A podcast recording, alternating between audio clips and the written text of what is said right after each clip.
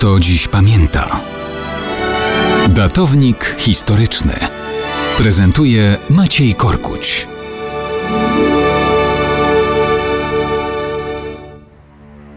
Dzisiaj cały świat będzie przypominać o uwolnieniu pozostałych jeszcze przy życiu ostatnich więźniów niemieckiego obozu KL Auschwitz.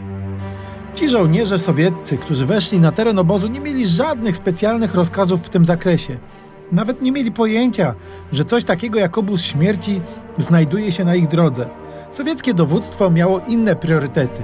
Ale tak czy inaczej, po krótkim oporze ostatnich uciekających Niemców, Sowieci zajęli obóz.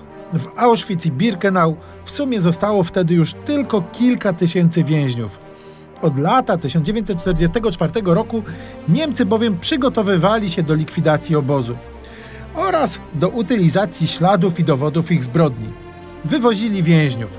Mimo to aż do jesieni 1944 roku mordowali jeszcze ludzi w komorach gazowych i palili w krematoriach. Potem przystąpili do palenia dokumentów, zarządzili rozbiórkę części baraków w Birkenau, próbowali ukryć ludzkie prochy po spalonych ciałach.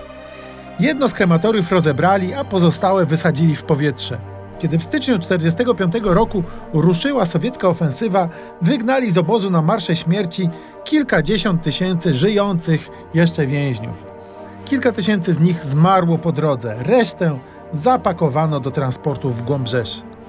Tam, gdzie jeden totalitaryzm zastępował drugi totalitaryzm, nie uciekniemy od wieloznaczności kompleksu zdarzeń. Z jednej strony ta resztka więźniów Auschwitz wychodziła z obozu. Z drugiej jednak strony za drutami obozowymi nie było jednak ani wolnego miasta, ani wolnej Polski. Armia Czerwona i NKWD wprowadzały nowe porządki. Część obozowej infrastruktury Rosjanie nadal wykorzystywali jako obóz koncentracyjny dla nowych więźniów. Gorzkim symbolem tamtego czasu może być los Leona Schönkera, w 1939 roku przewodniczącego gminy żydowskiej w Oświęcimiu.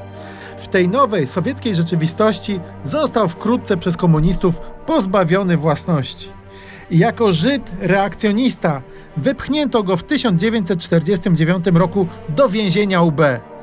I tam musiał siedzieć w jednej celi z niemieckimi gestapowcami. Narzucony Polsce komunizm niestety nie miał nic wspólnego z prawdziwą wolnością.